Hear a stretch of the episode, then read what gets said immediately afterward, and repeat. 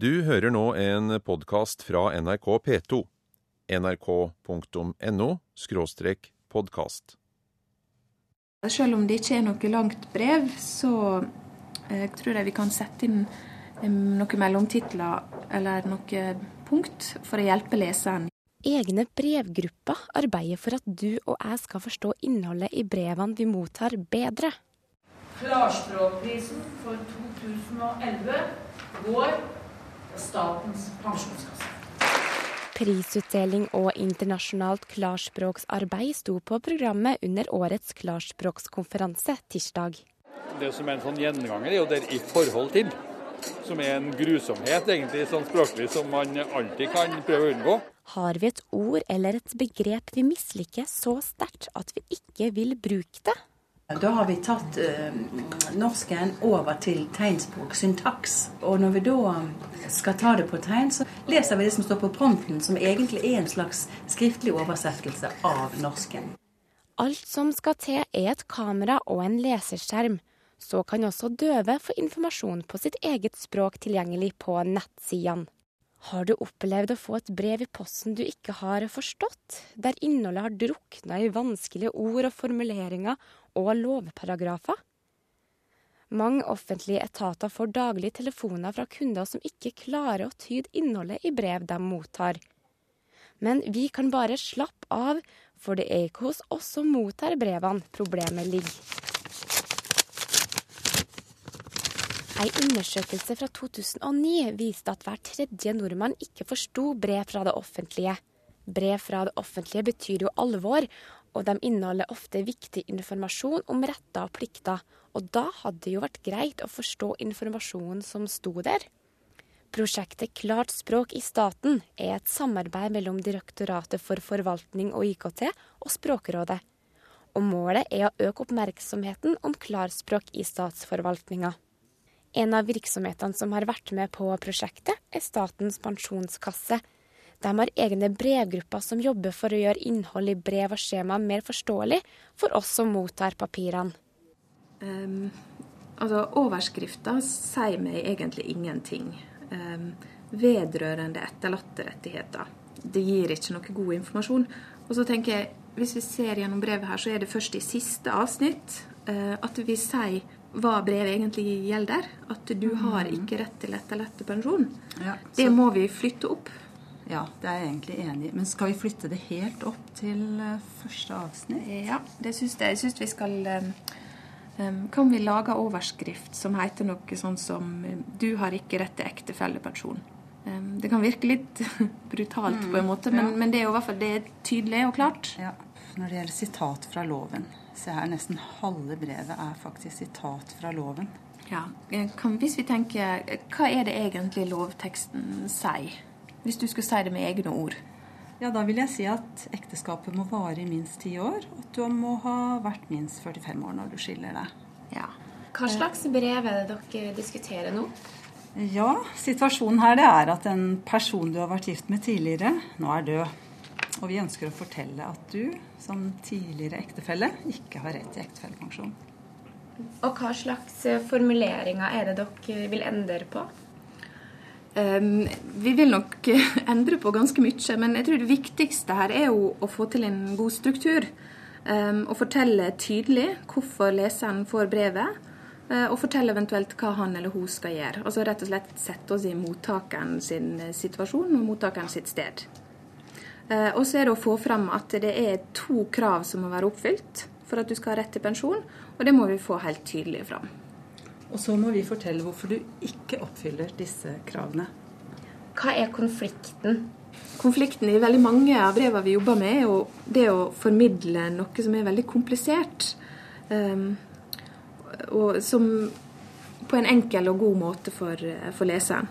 Vi tenker at det skal bli lett å forstå uten at det blir pensjonsfaglig feil. Ja.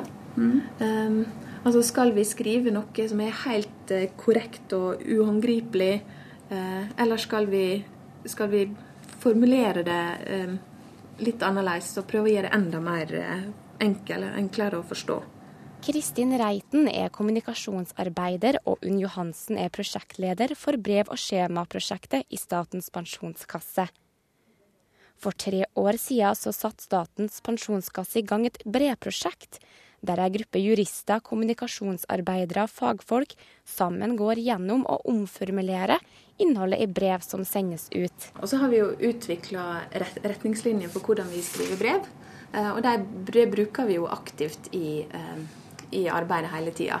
Eh, det er jo ikke alltid en fasit, men det er et godt verktøy. Og retningslinjene sier noe om, hvordan, om innholdet. Hvordan vi skal strukturere og hvordan vi skal bygge opp brevene. Eh, og hvordan vi skal eh, ja, hvilke ord og setninger vi skal bruke. Vi prøver mm. å bruke det, måten vi prater på som en god veiledning til hvordan brevet skal være. Har dere et eksempel eh, i det brevet her der, en, ja, der noe har vært vanskelig å forstå, som dere nå har gjort om? Ja, altså de to kravene som må være oppfylt, de satte vi inn i kulepunkter her istedenfor å sitere loven. Hva var det i det opprinnelige brevet lovteksten sa? En fraskilt ektefelle beholder retten til etterlattepensjon fra annen pensjonsordning enn folketrygden dersom ekteskapet varte i minst ti år, og den fraskilte var minst 45 år ved skilsmissen. Med pensjonsordning menes offentlig pensjonsordning og privat kollektiv pensjonsordning med obligatorisk tilslutning. Og nå har dere formulert det på en ny måte? Um, nå har vi formulert det slik. Uh, det er to krav som må være oppfylt for at du skal ha rett til ektefellepensjon. Ekteskapet må vare i minst ti år. Du må være minst 45 år når du skiller deg. Det ble jo mye kortere. Ja, og så tror jeg det blir også tydeligere. For da konkluderer vi i neste avsnitt at personen da ikke har rett til ektefellepensjon fordi han ikke oppfyller disse kravene. Og de som ønsker å gå inn i regelverket, kan gjøre det ved å benytte paragrafen og loven vi viser til. Så det er både mottaker og motsender av brevet fornøyd, eller? Ja, vi håper det.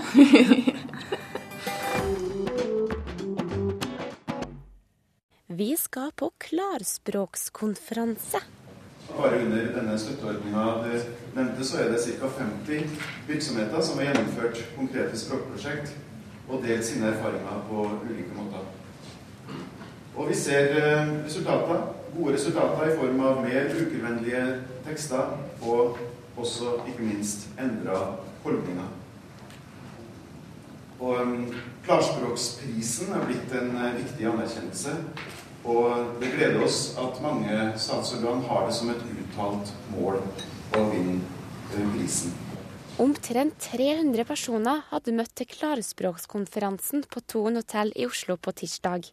Konferansen ble åpna av direktør i Språkrådet Arnfinn Murvik Vonen og direktør i Direktoratet for forvaltning Hans Christian Holte. Begge direktørene var svært fornøyd med organisasjonene sin språkinnsats. Og I dette prosjektet her så tror vi at vi har kommet et stykke på vei mot et nytt språkideal i det offentlige på klarspråksområdet. Men det er klart at det fortsatt gjenstår mye arbeid. Prosesser tar tid, og de nye holdningene må slå rot i bedriftskulturen. Og språkarbeidet må integreres i det løpende arbeidet i virksomhetene. Så vi skal vel ikke gi oss nå. Klarspråkskonferansen holdes for å inspirere og motivere til videre innsatsarbeid mot et klarere og tydeligere språk. Og siden det er en språkkonferanse, så sto jo selvfølgelig språket i sentrum. Og da må, jeg, da må jeg bare lese opp fra manuset her. altså Dere hørte at jeg sa i forhold til nesten i stad. Og her har de altså prøvd å, å lure meg, syns jeg. Jeg tror jeg må ta det opp etterpå. Her står det at jeg skal si 'sette fortsatt høyt og bredt fokus i forhold til klart språk'. Det tror jeg rett og slett uh, minner meg om, om uh, den statsråden som sto på Stortingets talerstol og, og, leste fra dette manuset han hadde fått. Og så sto det 'Nå er du på egen hånd', leste han. Men da har vi kun bare én ting igjen å gjøre på denne konferansen, eh, Arnfinn, og det er jo det å rett og slett ønske alle deltakere en flott dag et klart språk i staten. For mange virksomheter er statens klarspråkspris blitt ei gulrot i språkforbedringsarbeidet. Og Klarspråksprisen 2011 gikk til Statens pensjonskasse. Prosjektet Klart språk starta jo med at, eh, at statsministeren og hans far, eh, Torvald Stoltenberg, eh, hadde fått et brev som de ikke forsto. Og vi jobber jo med pensjon. Pensjon er vanskelig for, for de fleste, og vi hadde mange brev som var ganske vanskelig å forstå. Da starta vi rett og slett med å, å, gjøre noen av de viktigste brevene våre enklere å forstå. Med å skrive de om, rett og slett. Og Det kunne være brev som gikk ut til veldig mange, flere titusen personer. Onar Ånestad er kommunikasjonsdirektør, og han forteller om et vellykka brevprosjekt. Men prosessen er selvfølgelig ikke bare enkel. Jeg tror den største utfordringen er, er konflikt mellom det å skrive helt korrekt, altså skrive helt korrekt om pensjon, versus det å skrive sånn at folk forstår det. Og, Det er to ganske viktige hensyn. Det skal jo være riktig, det som står i brevet. Samtidig så, så kan det da bli vanskelig rett og slett å forstå. Det er nok det vanskeligste som vi er borti. Hva er et eh, godt brev, da? Jeg tror et godt brev eh, for de fleste av oss er at du forstår hvorfor du har fått brevet, og at du forstår veldig fort hva som kreves av deg, om du skal gjøre noe, rett og slett. Hvordan merker dere effekten av eh, de nye brevene deres? Vi merker at brev som før har vært vanskelig å forstå, eh, eh, rett og slett ikke fører til så mange unødvendige henvendelser. Andre ganger så kan det faktisk være at vi får flere henvendelser fordi vi ønsker folk skal ta kontakt for å gi oss viktig informasjon. Så eh, det, det vi kan måle effekten av et brev på, det er rett og slett om, eh, om folk gjør det som vi, vi ønsker at de skal gjøre når de får brevet. Så i dag skal eh, mottakerne av brevet slipper å sitte med ordboka ved siden av seg? Ja, vi håper inderlig at en slipper å sitte med, med noe ordbok. Eh, det skal være enkelt å forstå et begrep. Samtidig så er pensjon veldig vanskelig. Pensjon har jo òg blitt vanskeligere i de siste årene fordi hver person har flere valg enn før. Så eh, pensjon vil nok aldri bli lett, men, eh, men det å eh, det å jobbe målretta mot å snakke så folk forstår det, det tenker vi er en del av vårt samfunnsoppdrag. Et klart og tydelig språk i forvaltninga er ikke bare et mål for oss her i Norge. Neil James er leder for konsulentselskapet Plain English Foundation, og han deltok på klarspråkskonferansen for å snakke om arbeid med internasjonalt klarspråk.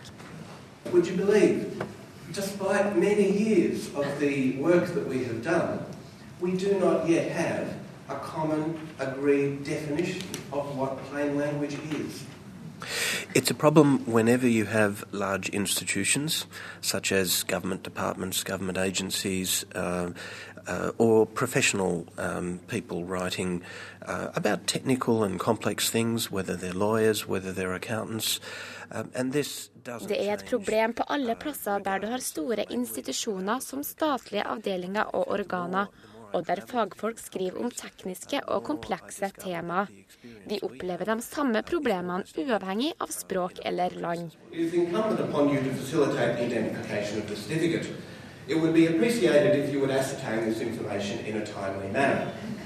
And if any of you are struggling to understand what that means, don't worry, most of us in Australia would as well. All it means is something simply like to meet your request, and because of the delay, we need you to find and send us a copy of your certificate as soon as possible. Plain English Foundation arbeider for et klarere og mer etisk offentlig språk. Organisasjonen møter mange utfordringer i arbeidet. I, I think our main challenge is, is changing. Uh, until recently, I would have said our main challenge was to to change the the culture, to to change the attitude in the population uh, about plain language. Uh, we very much had this attitude that oh, no, we need for technical and legal reasons to write in a complex way. But I, jeg tror vår hovedutfordring har forandra seg. Hittil så har jeg villet sagt at vår hovedutfordring er å forandre kulturen, forandre befolkningens holdninger om klart språk. Men jeg tror holdningene har forandra seg, og at den største utfordringen i dag gjelder det praktiske arbeidet. Vi må organisere arbeidet sånn at vi kan utvikle en standard vi kan jobbe etter. Vi har klart å motarbeide mye av skepsisen folk har hatt mot klarspråk, men vi har fortsatt arbeid som gjenstår før visjonen vi har for klarspråk kan bli en realitet. so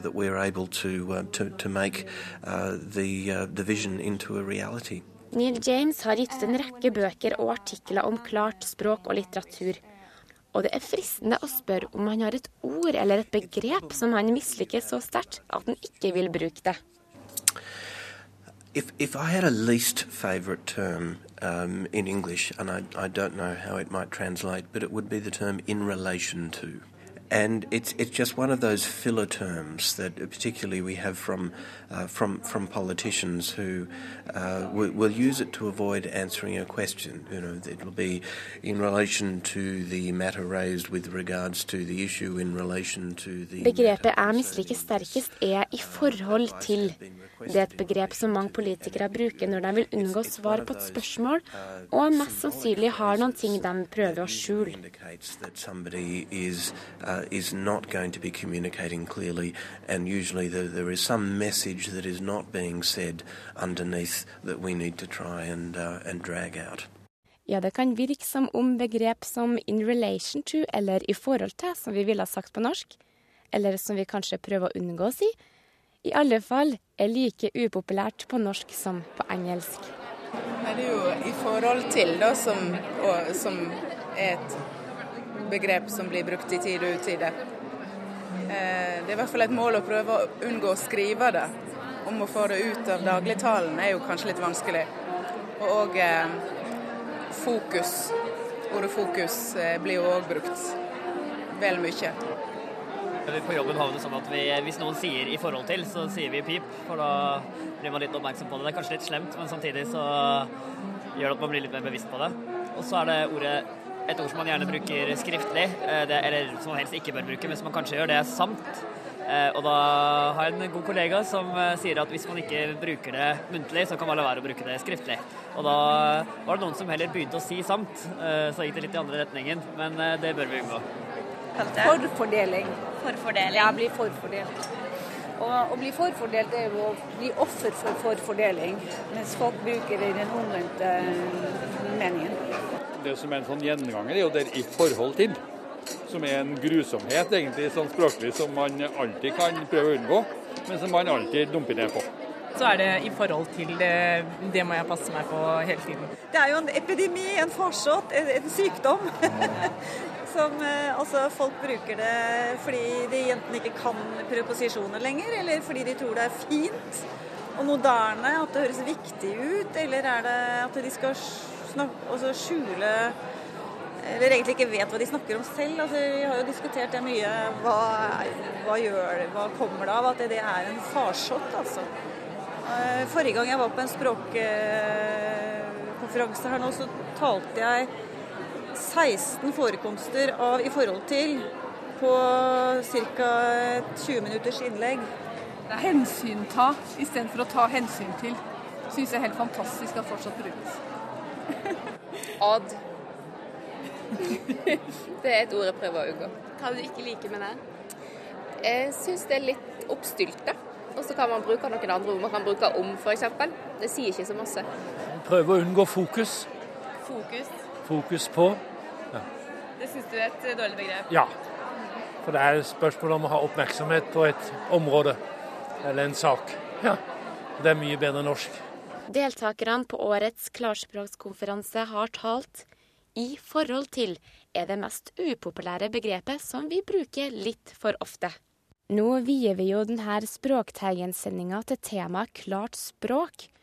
Og det er kanskje fort gjort å tenke klart og tydelig skriftspråk, eller klart og tydelig muntlig språk når man hører begrepet klarspråk. Men hva med klart og tydelig tegnespråk? Se, da går vi inn på nettsiden, og så velger vi tegnspråk. Da får vi en samleside med enkeltekst. Og så er det videoer som, som finnes på YouTube. Så, vi, så, hvis du vil ha denne artikkelen på tegnspråk, så bare starter du videoen. Statens pensjonskasse har gjort informasjon på nynorsk, samisk og engelsk tilgjengelig på sine nettsider. Men de har òg produsert videoer som enkelt forklarer nettsidas innhold til sine døve kunder. Sammen med kommunikasjonsdirektør Onar Ånestad, formidleren i videoene Knut Bjarne Kjøde og tolk Liv Solbø Nesset har jeg klikka meg fram til informasjonsvideoene på nettsida. Eh, Du vet at døve de kan jo absolutt lese den teksten, de. Men um, det er jo veldig mange døve som har tegnspråk som primærspråk. Og du vet at da foretrekker jo de å få all informasjon på tegnspråk. Så det er jo det for, visuell formidling å få det frem på den måten. Det er samme måte med hørende, egentlig. De syns kanskje det er tungt å lese, men de foretrekker å, å få det via lyd. Det kan det være noen som gjør. Noen foretrekker lydbøker, og noen foretrekker eh, informasjon basert på lyd istedenfor å lese seg til alt sammen. Så det er egentlig ikke så veldig stor forskjell på døve og hørende i den sammenhengen. Det handler egentlig om språk. Og tegnspråket er jo da et eget selvstendig språk med egen grammatikk og syntaks. Og, og det som da De som er født døve, de har som regel tegnspråk som sitt primærspråk. Og det skulle bare mangle at ikke de også skulle få muligheten til å få informasjon på sitt eget språk. Én ting er at eh, Pensjonskassen formidler informasjon på tegnespråk. Men ellers i samfunnet så må vi forholde oss til det skriftlige hele tida. F.eks. aviser, på nettet og brev. Hvordan opplever du som døv det? For min del så er det sånn at jeg behersker både norsk og tegnspråk. eh, Så for meg går det veldig greit. Men eh, for de dere som ikke behersker norsk så godt, så kan det jo være en utfordring. Det kan være tungt for de å få tilgang til informasjon. Og da er de kanskje nødt til å spørre andre mennesker om de kan tolke innholdet for dem over til tegnspråk for at de skal få det med seg. Og hva slags respons har du fått fra døve eh, på dette nettilbudet? Folk er veldig, veldig positive. Bare positiv respons. De sier åh, endelig har vi tilgang på denne informasjonen på vårt eget språk. Og du ser jo så Internett det åpner for veldig mange nye muligheter knyttet til eh, tilgang til informasjon på tegnspråk.